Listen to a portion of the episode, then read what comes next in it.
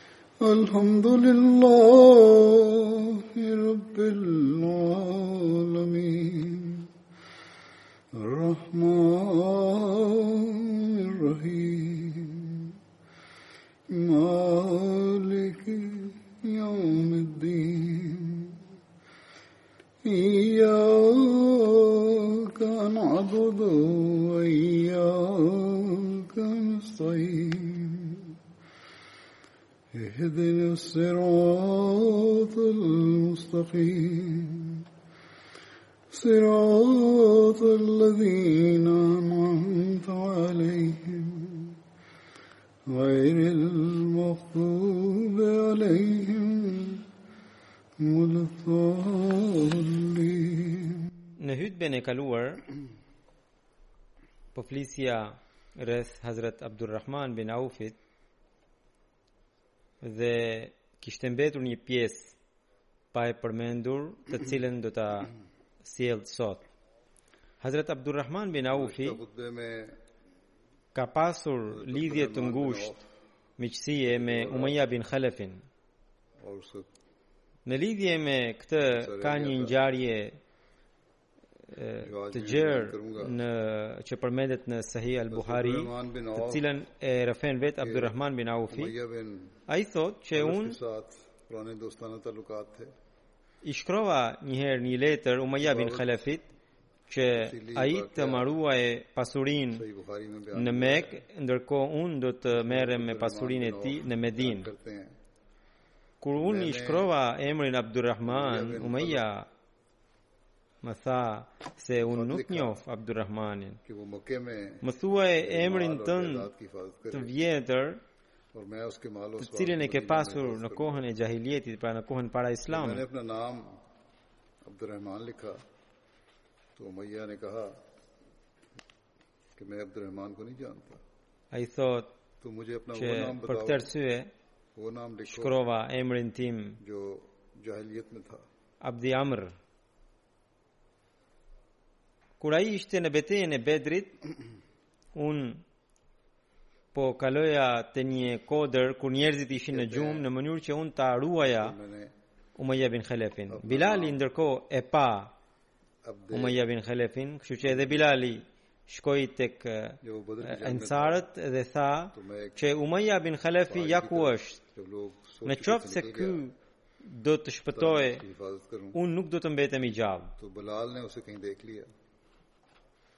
Atëherë disa nga shokët e Bilalit filluan të na ndiqnin pra Abdurrahman bin Aufin dhe Umayya bin Khalefin.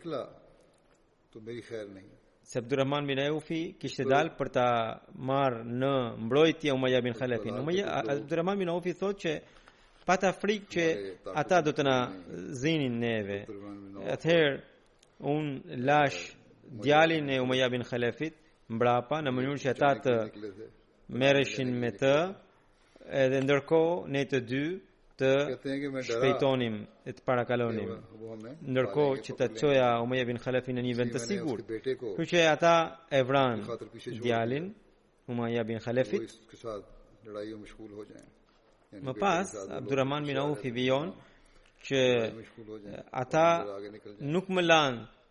të kisha sukses në përpjekjet e mia. Umayya bin Khalafi ngaqë ishte një njeri i shëndoshë, nuk arriti të bënte manovrime më shpejt. Më në fund kur ata i kapën e kapën unë e mbulova Umayya bin Khalafin, por ata poshtë meje shpuan me shpatat e tyre Umayya bin Khalafin dhe derisa e vranë. Gjatë kësaj përpjekje më plagosen edhe mua. në njërën prej këmbëve. Në Tarikh Taberi, kjo ngjarje përmendet edhe pak me detaje, ku thuhet që Abdurrahman bin Aufi thotë se në Mekë, Umeja bin Khalefi ishte miku im. Në atë kohë, unë kisha emrin Abdi Amr, Kur në Mekë e pranova Islamin, mua më quajtën Abdulrahman dhe atje sa herë që ai më takonte më thërriste me emrin Abdi Amr dhe më thoshte o Abdi Amr a ana a largohesh nga emri që ty të ka vënë babai Islam laja Unë thosha po, por ai më thoshte unë Rahmanin nuk e njoh. Edhe për këtë arsye, zgjidh ti një emër tjetër që unë të drejtohem. Sepse ti me emrin tënd të vjetër nuk më përgjigjesh. Por unë një gjë që nuk e njoh, nuk mund ta quaj ty. Hazrat Abdurrahman bin Aufi tha që kur ai më thërriste o Abdi Amr, unë nuk i përgjigjesha. Unë i thashë O Abu Ali, sa, sa cakto një emër tjetër që dëshiron? Por em, me emrin e vjetër nuk të përgjigjem unë ty. Atëherë ai më tha, unë po të vë emrin Abdila. Mirë, thashë. Pas kësaj, sa herë që takoheshim ne të dy, ai më thërriste me emrin Abdila dhe unë i përgjigjesha atij dhe bisedoja me të. Derisa erdhi dita e betejës së Bedrit. Unë kalova pranë Umejas, ai po shkonte kishte marrë për dore Ali bin Umeja, pra djalin. Unë kisha disa parzmore që kisha gjetur. Po shkoja, ai më pa mua dhe më thirri, "O Abdi Amr, Atëherë unë nuk iu përgjigja si gjithmonë. Atëherë më tha, o Abdila, atëherë i thashë, po, më thuaj, ç'ke? Më tha, a jam, a nuk jam më i mirë për ty sesa këto parzmore që ke? Në qoftë se kjo është e vërtetë, hajde tek unë.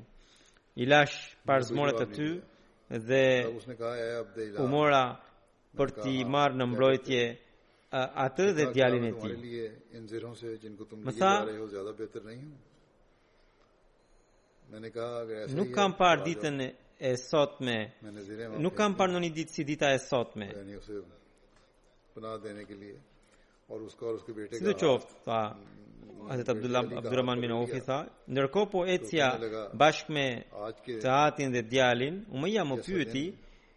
O Abdila, cili nga ju është ai që ka një pupël një zogu në në gjoks i thashë është Hamza bin Abdul Muttalib ai tha Hamzai na ka bërë këtë gjendje pra gjithë këtë shkatërrim që ka bërë thotë ai Hamzai na ka bërë tek po ecja me ta Bilali na pa neve edhe bërtiti me të madhe që ky është Umayya Umayya ishte pikërisht ai që e persekutonte Bilalin që Bilali të, të hiqte dorë nga islami ai e merrte Bilalin e çonte në një shkëmb të pastër në mes të diellit edhe e shtrinte dhe vendoste një ko një një falë një gur tjetër mbi gjoksin e Bilalit edhe dhe i thoshte derisa nuk heqësh dorë nga feja e Muhamedit kështu të ndëshkoj por pavarësisht nga ky ndëshkim që jepte Umayya A Bilali thoshte Ahad, Ahad. Zoti është një, Zoti është një. Dhe tani kur e pa Bilali Umayya bin Khalafin, ai më herë bërtiti Umayya bin Khalafi është kreu i mohimit, unë nuk do të shpëtoj në qoftë se ky do të jetë i gjallë. Hazret Abdurrahman bin Aufi i tha, o Bilal, këta janë të burgosurit e mi. Bilal i përsëri, tha, unë nuk do të shpëtoj në qoftë se ky do të mbetet i gjallë. Hazret Abdurrahman bin Aufi i tha Bilalit, o Ibn Sauda, apo më dëgjon? Bilali përsëri tha të njëjtën gjë, që unë nuk do të shpëtoj nëse ky do të mbetet i gjallë. Pastaj Bilali tha me zë shumë të lartë, O ensarët e Allahut, ja ku është kreu i i mohuesve. Unë do të shkatërrohem në qoftë se ky do mbetet gjallë. Zëri i tij ishte kaq i lartë saqë njerëzit nga të gjitha anët na rrethuan edhe sikur na burgosën. Unë fillova të ta mbroja, mirëpo dikush e qëlloi djalin dhe ai ra poshtë. Atëherë Umayya lëshoi një klithmë kaq të madhe saqë nuk e kisha dëgjuar ndonjëherë. I thashë mbathja ai më tha, "Jo, nuk jam, nuk mbath dot." I thashë, "Pasha Zotin nuk të ndihmoj dot." Ndërkohë muslimanët na sulmuan dhe i vranë ata të dy, edhe unë nuk i shpëtova dot. Hazrat Abdurrahman bin Aufi thoshte, që Allahu e mëshiroftë Bilalin, i cili po, për shkak të cilit unë i humba edhe parzmoret dhe i humba edhe të burgosurit. Hazrat Abdurrahman bin Aufi në betejën e Uhudit mori pjesë Ditën e Uhudit kur njerëzit pra muslimanët u çorientuan. Atëherë ishte Abdurrahman bin Aufi, njëri prej sahabëve të cilët ishin bashkë me Profetin sallallahu alaihi wasallam dhe që nuk u lëkundën. Betejën e Uhudit, Abdurrahman bin Aufi mori 21 plagë edhe mori një plagë në, në këmbë që pastaj ai ecte pra çalonte duke ecur i ranë edhe dy dhëmbët e përparme Hazret e, Ibni Umari thotë që në Shaban të vitit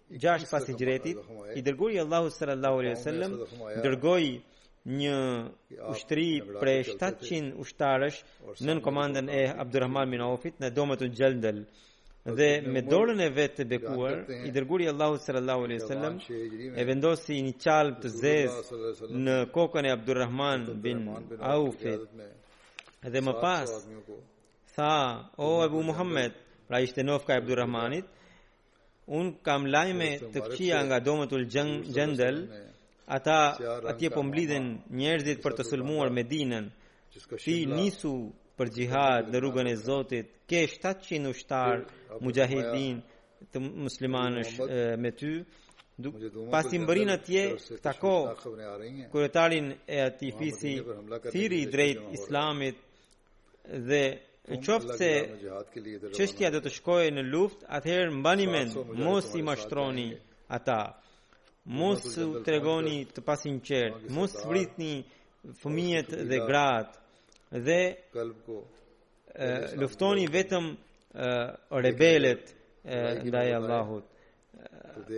Pra, kështu profeti Muhamed sallallahu alaihi wasallam i dha gjitha këto porosi dhe Hazrat Abdurrahman bin Aufi kur mbërriti atje për 3 ditë radhazi u bëri ftesë, ata vazhdimisht refuzuan. Atëherë njëri që ishte i krishterë dhe që ishte kryetari i fisit atje e pranoi islamin edhe Hazrat Abdurrahman bin Aufi i dërgoi një letër duke treguar gjithçka, ai tha që ti martohu me dja, vajzën e këtij kryetari, Abdurrahman bin Aufi u martua me të, edhe bashkë me të u kthye në Medinë. Atëherë më vonë maziri, pra ai i krishteri, më falni, kjo grua, Ume Selema, u quajt Ume Selema. Umar bin Abdulazizi tregon që në vitin 14 pas Hijretit në betejën Xhisr kur Hazrat Omeri mori lajmin e martirizimit të Ubejd bin Mesudit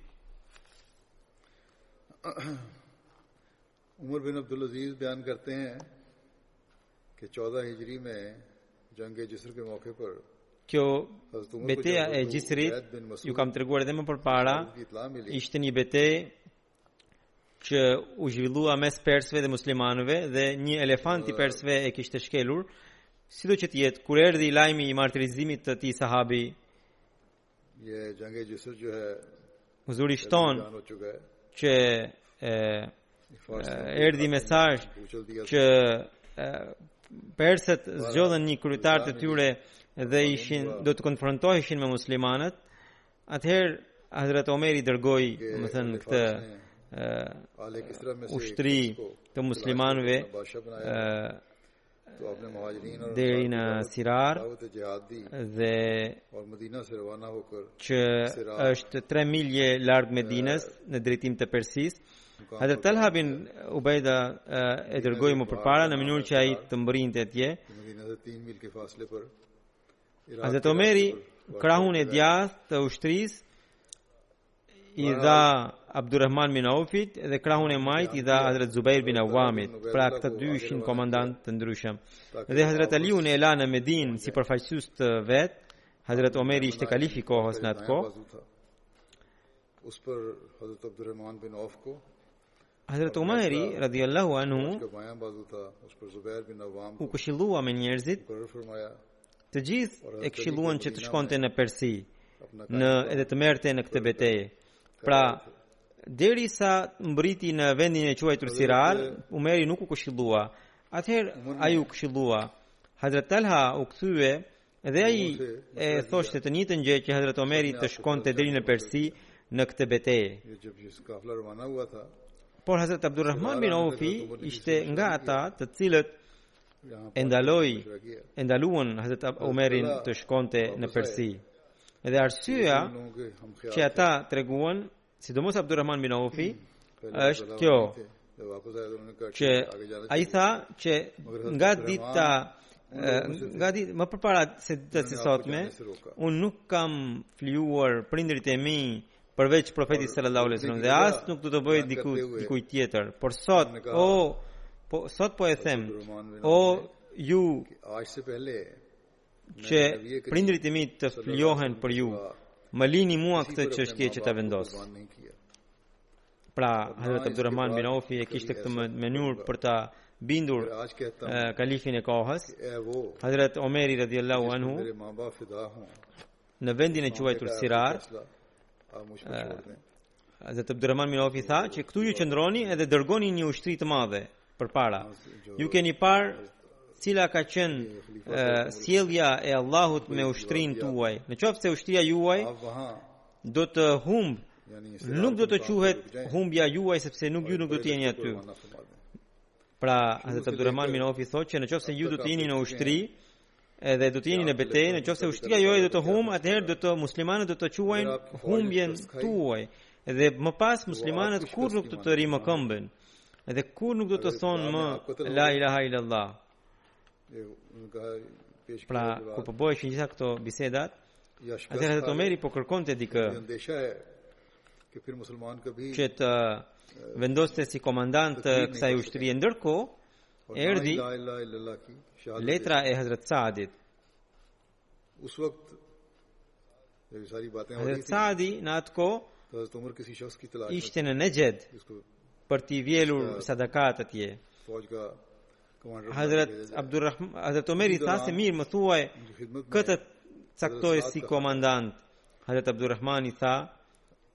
Ja ku e gjetët njeriun.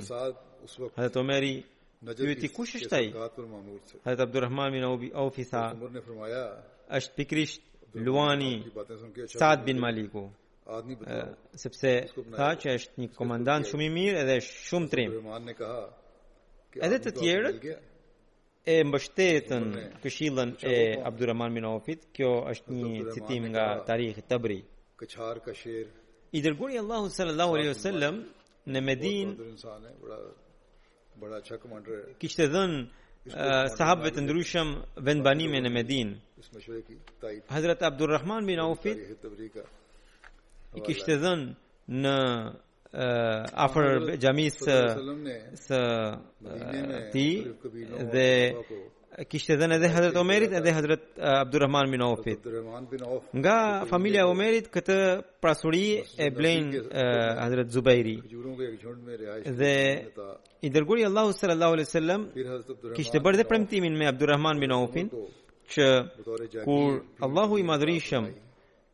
muslimanëve do t'u japë Shamin, atëherë ti do ta kesh atë tokë të atij vendi, të një vendi të caktuar. Kështu që, kur në kohën e Hazret Omerit, Shami ra në duar të muslimanëve, atëherë Hazret Abdurrahman bin Ofit iu dha ajo tokë që kishte premtuar profeti sallallahu alaihi wasallam.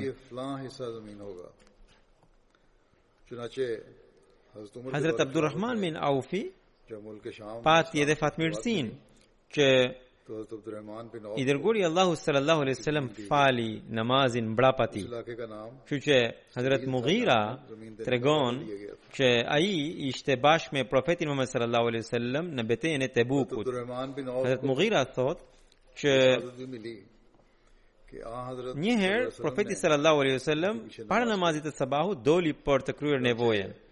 Unë shkova bashkë me të me një ibrik me ujë, kur profeti sallallahu alaihi wasallam përfundoi nevojën edhe po kthehej tek unë ku unë po qëndroja unë po i jepja ujin profetit sallallahu alaihi wasallam ndërkohë profeti sallallahu alaihi wasallam pastronte duart edhe merrte abdes pastroi fytyrën dhe i pastroi edhe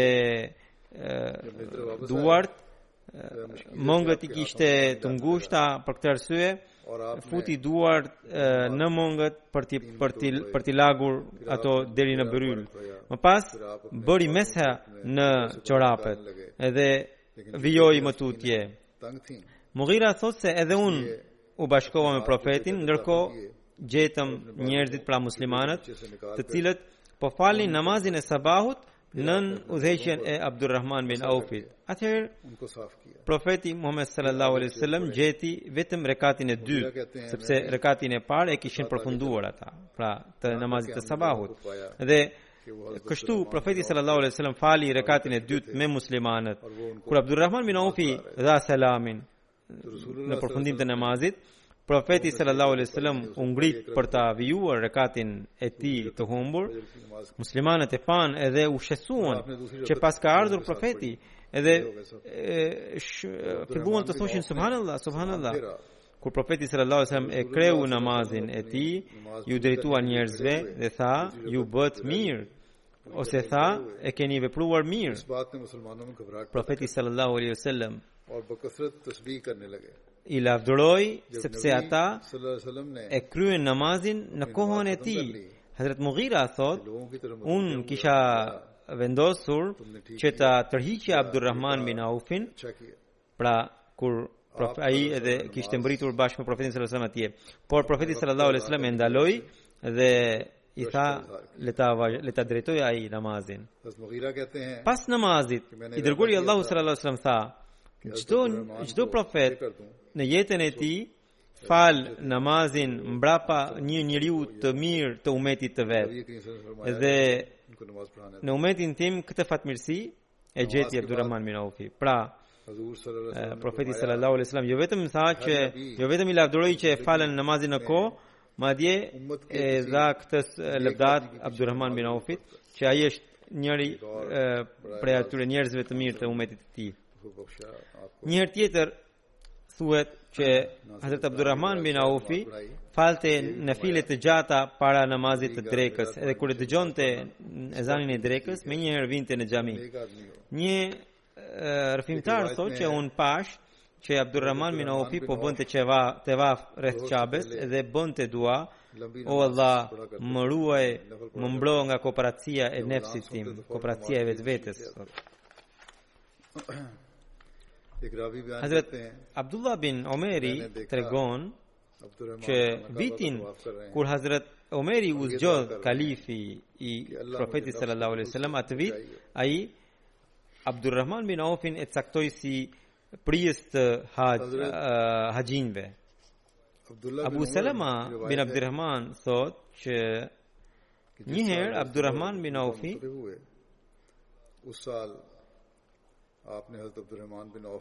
Shkoi tek Profeti sallallahu alaihi wasallam për t'u ankuar për shtimin e morrave në trupin e tij. Dhe tha, o i dërguari i Allahut, a ma jepni leje që unë të vesh, unë të kem veshjen e mandafshit, sepse veshja e zakonshme në atë kohë i shkaktonte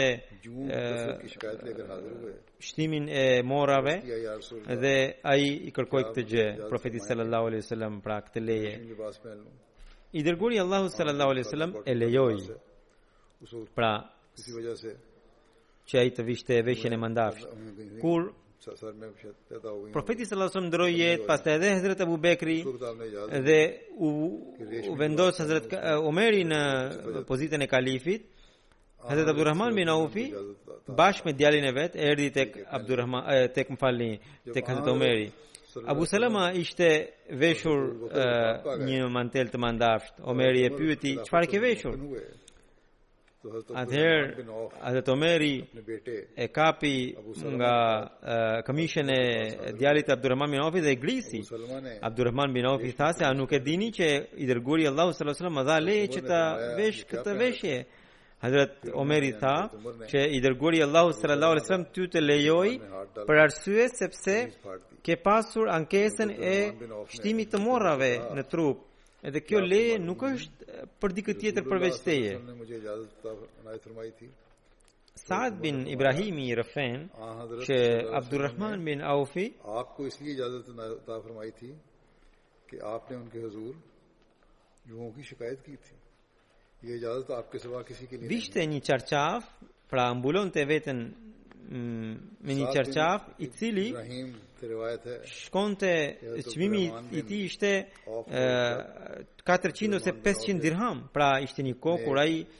Ishte bërë kaq i pasur.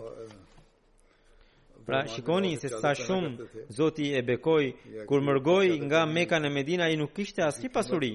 Dhe më pas Zoti e bekoi kaq shumë saqë u bë kaq i pasur.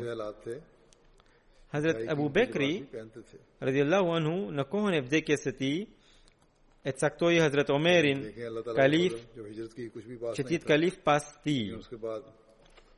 Kur ai e kishte marrë këtë vendim, e thirri Abdurrahman bin Aufin dhe i tha, çfarë mendimi ke rreth Hazret Omerit?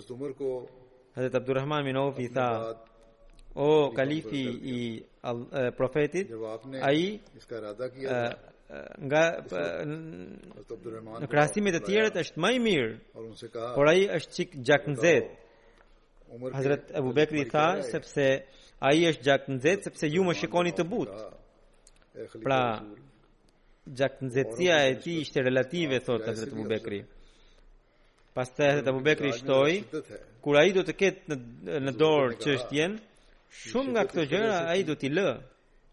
Nuk do ta shikoni më gjaknxehtë atë. Më pas tha, o Ebu Muhammed, dhe ishte nofka e Abdurrahman bin Aufit, o Ebu Muhammed, unë kam parë që kur unë tregohem i ashpër ndaj dikujt, Abu Bekri radhiyallahu anhu thotë, atëherë Omeri më këshillonte të isha i butë, edhe të ndiqja pëlqimin e Zotit.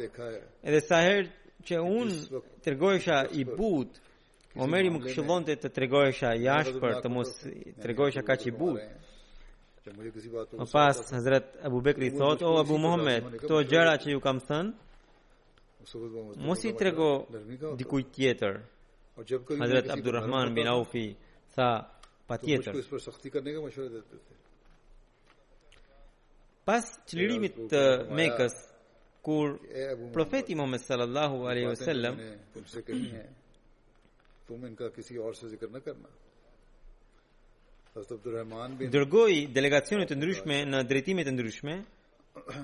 Atëherë Khalid bin Velidin dërgoi drejt Banu Jezimas. Banu Jezima në kohën e jahilietit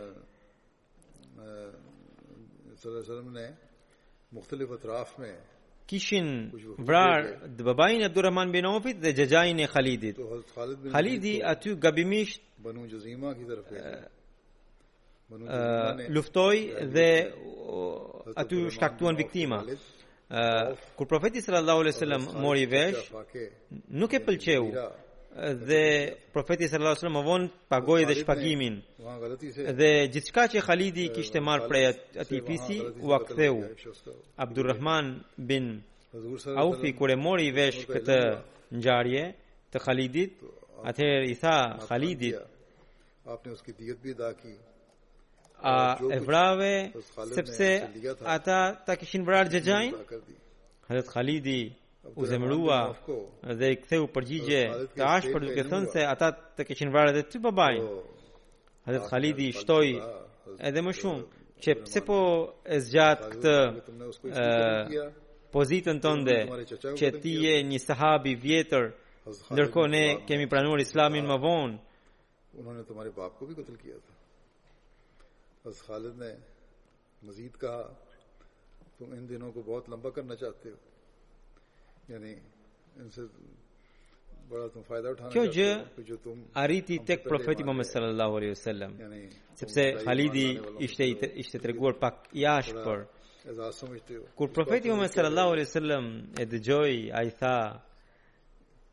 Lirini sahabët e mi, pasha Zotin, në dorën e të cilit është jeta ime. Në qoftë se ju që keni ardhur më vonë, do të shpenzoni arin sa mali i Uhodit, nuk mund të arrini dot gradën e tyre. Grada e tyre është shumë e lartë. Pra, kjo ishte sakrifica e sahabëve të parë, edhe askush nuk mund të matet me ta. I dërguari i Allahut sallallahu alaihi wasallam tha rreth Abdurrahman bin Aufit që ai është kryetari i kryetarëve të muslimanëve dhe gjithashtu tha Abdurrahmani edhe në qiell do të jetë i besueshëm edhe në tokë ai është i besueshëm Hazrat sallallahu alaihi wasallam Hazrat Abdulrahman bin Aufi një herë U sëmur kaq shumë saqë ra pa ndjenja Gruaja e tij bërtiti me të madhe Sepse e kishte parë në gjendje të rëndë burrin e vet Sido që të jetë, sidoqoftë kur ai e mori veten Pra i kaloi sa i kaloi sëmundja edhe kur e mori veten tha që kur isha pa ndjenja, mua më erdhën dy njerëz. Pa, thotë ai, pashë një ngjarje, pashë një pamje, mua më erdhën dy njerëz, të cilët më thanë, të të çojmë te Zoti e, e, pra aziz dhe triumfues dhe do të gjykohesh atje Aty ishte edhe një i tretë, i cili tha, mos e merr këtë, sepse ky është fatlum që kur ka lindur nga barku i nënës. Këtë pamje e kishte parë Abdurrahman bin Aufi për vete. Nofel bin, ai thotë që Hazret Abdurrahman bin Aufi ulej mes nesh, ishte shoqëruesi më i mirë. Një ditë ai na mori në shtëpinë e tij, bëri gusël edhe doli përjashta, Dhe na solli një një një tenxhere që kishte një gjellë me mish edhe bukë. Edhe filloi të qante papritmas pyetëm, pse po qan o Abdurrahman bin Aufi tha profeti Muhammed sallallahu alaihi wasallam u nda nga kjo botë në një kohë kur ai dhe familja e tij Kurrë nuk u ngopën, pra kurrë nuk hëngrën sa të ngopeshin as bukën e e, e thatë dhe ne që kemi marrë këto bekime më vonë dhe kemi pasur jetë a është e mirë apo është e keqe këtë nuk e di prandaj po qaj pra e ndiente veten në sprovë, kaq shumë frikë kishte ndaj Zotit dhe kaq shumë ndjenja të pastra kishte ndaj profetit sallallahu alajhi wasallam dhe ndaj familjes së tij. Po këto ndjenja nuk kishin lidhje vetëm me profetin dhe familjen e tij, por edhe me sahabët. Pra këtë dashuri të madhe Hazrat Abdurrahman bin Aufi kishte edhe me sahabët e tjerë. Përmendet një ngjarje që Hazret Abdurrahman bin Aufi një ditë ishte koha e iftarit edhe i sollën lloj-lloj ushqimesh sofra ishte mbushur me plot ushqime Kur erdi koha e iftarit Abdurrahman bin Aufi mori një kafshatë dhe Dhe pra nga sofra mori një kafshatë e sa e futi në gojë, filloi të qante. Edhe drithrimet e tij ishin kaq saqë filloi të thoshte Musab bin Umejri ra dëshmor në betejën e Uhudit, ai ishte më i mirë se ne.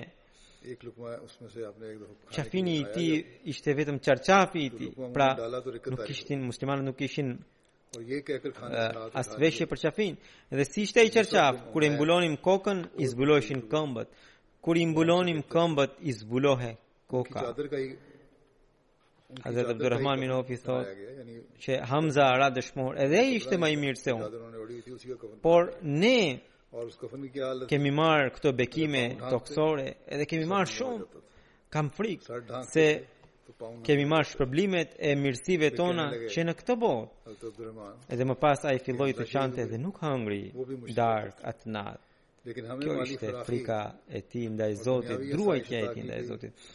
Hazret Ummul Muminin Umme Salema thotë që një ditë Abdurrahman bin Aufi shkoi tek ajo dhe tha o nëna ime, unë kam frikë se Shtimi i pasurisë do të më shkatërrojë mua, sepse unë tashmë jam i pas më i pasuri ndër kurejshët.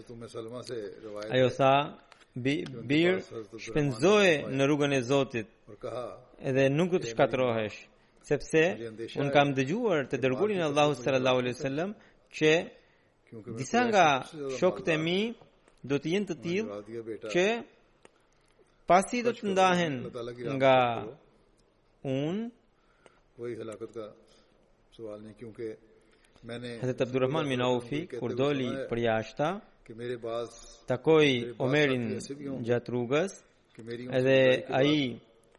i tregoi këtë gjë Hazrat Omerit.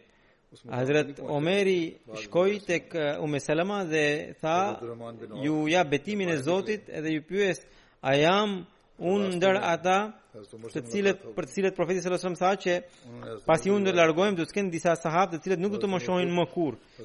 A jam ndër ata? Ume Selama tha se jo, ti nuk je ndër ata. Por, pas teje nuk mund të them dot për dikë tjetër këtë gjë, që ai do ta shikojë dot profetin sallallahu alaihi sallam. Në një dekë së kenge, me unë në shiu, Por edhe këtë dua ta sqaroj që të cilën e kam thënë edhe më përpara, edhe të Abdurrahman bin Aufi ishte ndër ata të cilët ndër ata dhjetë sahabë për të cilët profeti sallallahu alesem u kishte dhënë lajmin e mirë të xhenetit që gjatë jetës së tyre prapëseprapë ata kanë pasur frikë ndaj Zotit deri në vdekje sepse gjithnjë qëndrohesh qëndronin rrinin me këtë shqetësim se si do të ishte sjellja e Zotit me të.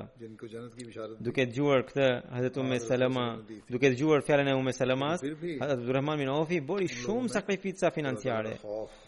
Një herë përmendet Që Abdullah Abdullah Abdullah bin Abbasi tregon që kur Hazrat Omeri doli drejt Shamit derisa mbërriti deri në vendin e quajtur Sarg e cila është në kufi me Hixhazin dhe Shamin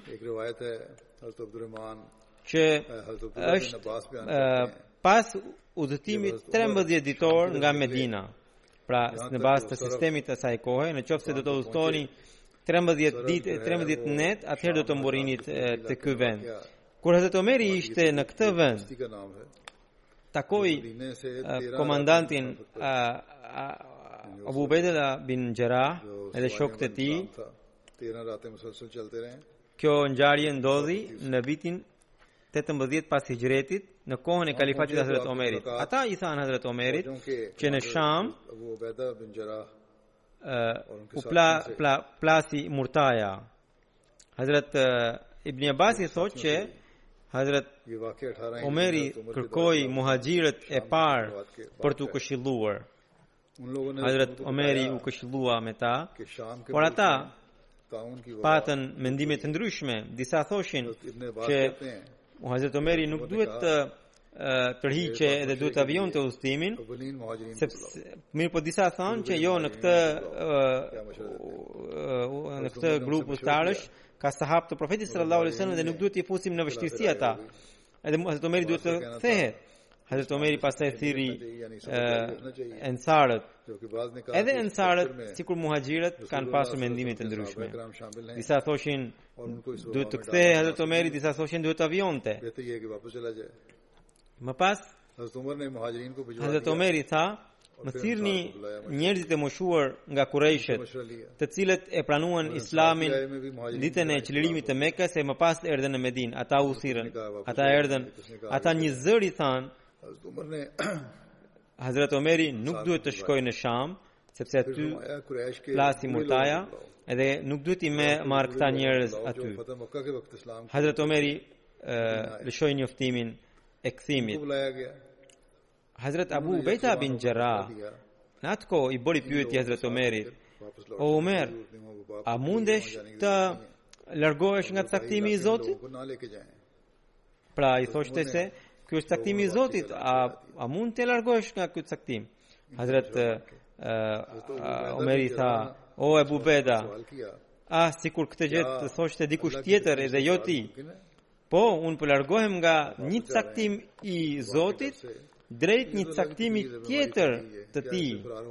Më pas, Hazret Omeri tha, në qoftë se ti do kesh deve, disa deve, pra i dha shembul, për të treguar se ça është caktimi, caktimi i Zotit, në qoftë se ti do kesh deve, dhe ti i merr ato edhe zbret në një luginë që ka dy krahë, në njërin cep lugina është e gjelbër dhe në cepin tjetër është e thatë. Atëherë, a nuk është që në qoftë se ti do t'i kullotësh devetë tek lugina tek pjesa e gjelbër, edhe kjo është prej caktimit të Zotit, edhe në qoftë se i kullot tek pjesa e thatë, edhe kjo është prej caktimit të Zotit. Pra, Zoti vetë të ka dhënë ty që daç t'i kullosësh tek pjesa e gjelbër, daç t'i kullosësh devetë tek pjesa e thatë.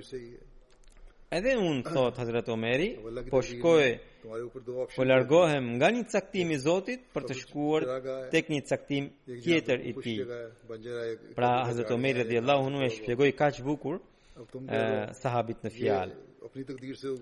Rrëfimtari thotë që ndërkohë, pra tek po bëhej kjo bisedë, ndërkohë erdhi Hazret Abdurrahman bin Aufi, i cili deri në atë kohë nuk ishte në atë vend, për shkak të një angazhimi. Ai tha se unë kam zgjidhjen e këtij ngërçi. Ju po merrni këshillë prej njerëzve, por unë kam dijen. Unë e kam dëgjuar profetin Muhammed sallallahu alaihi wasallam, i cili thoshte që kur ju dëgjoni për një vend që aty plasi ndonjë sëmundje, mos shkoni atje. Dhe në qoftë se ju në qoftë se sëmundja ka plasur në vendin tuaj, atëherë ju nuk duhet të largoheni nga vendi juaj. Pra, nuk duhet të shkoni në një vend ku është përhapur sëmundja, edhe në qoftë se për sëmundja është përhapur në vendin tuaj, ju nuk duhet të largoheni nga ai vend. Në mënyrë që sëmundja të mos përhapet. Pra, shikoni se çfarë fjale të artë ka thënë profeti sallallahu alajhi wasallam, Sot në këtë kohë pandemie, ato shtete që kanë zbatuar këtë parim, shumë shpejt arritën ta menaxhonin situatën. Ata që u treguan të pakujdesshëm përhapja po vijon. Pra profeti sallallahu alaihi wasallam këtë gjë themelore u tha sahabëve që në fillim Atëherë Hazrat Omeri lavdëroi Zotin edhe u kthye në Medinë. Hazrat Miswar bin Makhrama tregon se Hazrat Omer bin Khattabi ende ishte në gjendje të mirë. Is për Hazrat Omer ne Atij i kërkonim që ai të caktonte dikë kalif, mirëpo ai refuzonte. Një ditë ai erdhi në mimber dhe tha disa fjalë dhe më dhe tha, në qoftë se unë vdes, atëherë çështja juaj do të jetë e dorëzuar në këta gjashtë veta, të cilët e lanë profetin Muhammed sallallahu alaihi wasallam. Kur ai ishte i kënaqur nga këta të gjithë,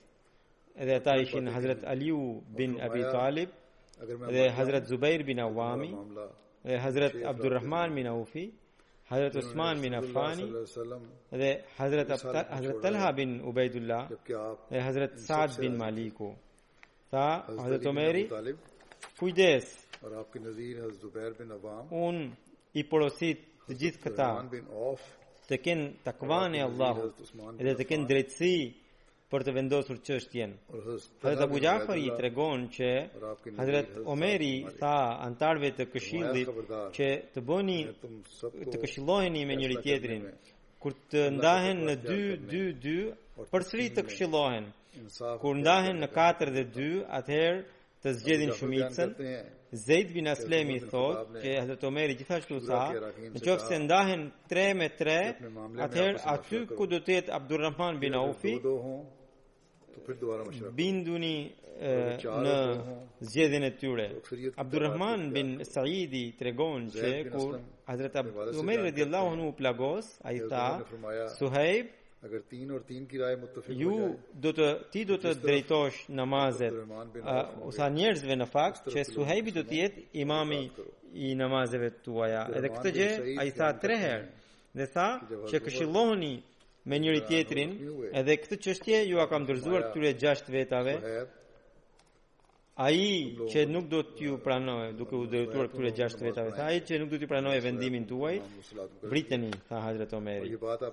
Pra, kur ishte çështja për të zgjidhur kalif, deri atëherë Hazrat Suhejbi vijoi namazet.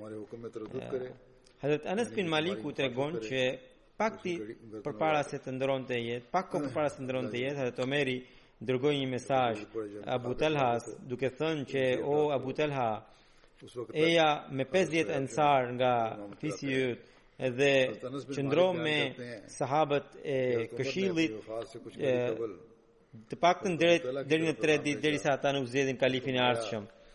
Ishaq bin Abdullah thotë që Abu Talha bashkë me shokët e tij për pak kohë qëndroi tek varri i Hazrat Omerit, më pas qëndroi tek sahabët e këshillit derisa ata e dorëzuan çështjen e tyre Abdulrahman bin Aufit që ai të zgjidhte kalifin e tij. Në atë pastaj Hazrat Abu Talha shkoi tek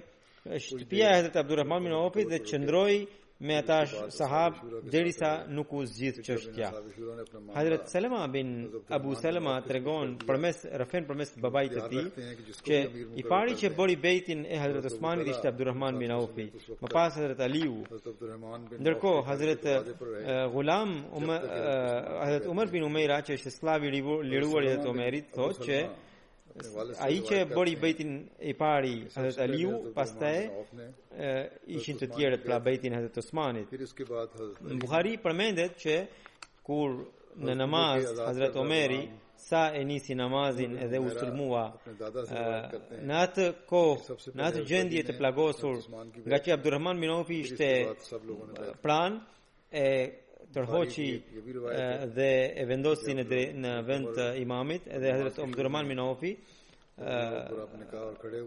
vijoi namazin dhe drejtoi një namaz të shkurtër. Hazrat Kalifi i dytë, duke treguar rolin e Hazrat Abdurrahman bin Aufit në zgjedhjen e kalifit të Hazrat Osmanit,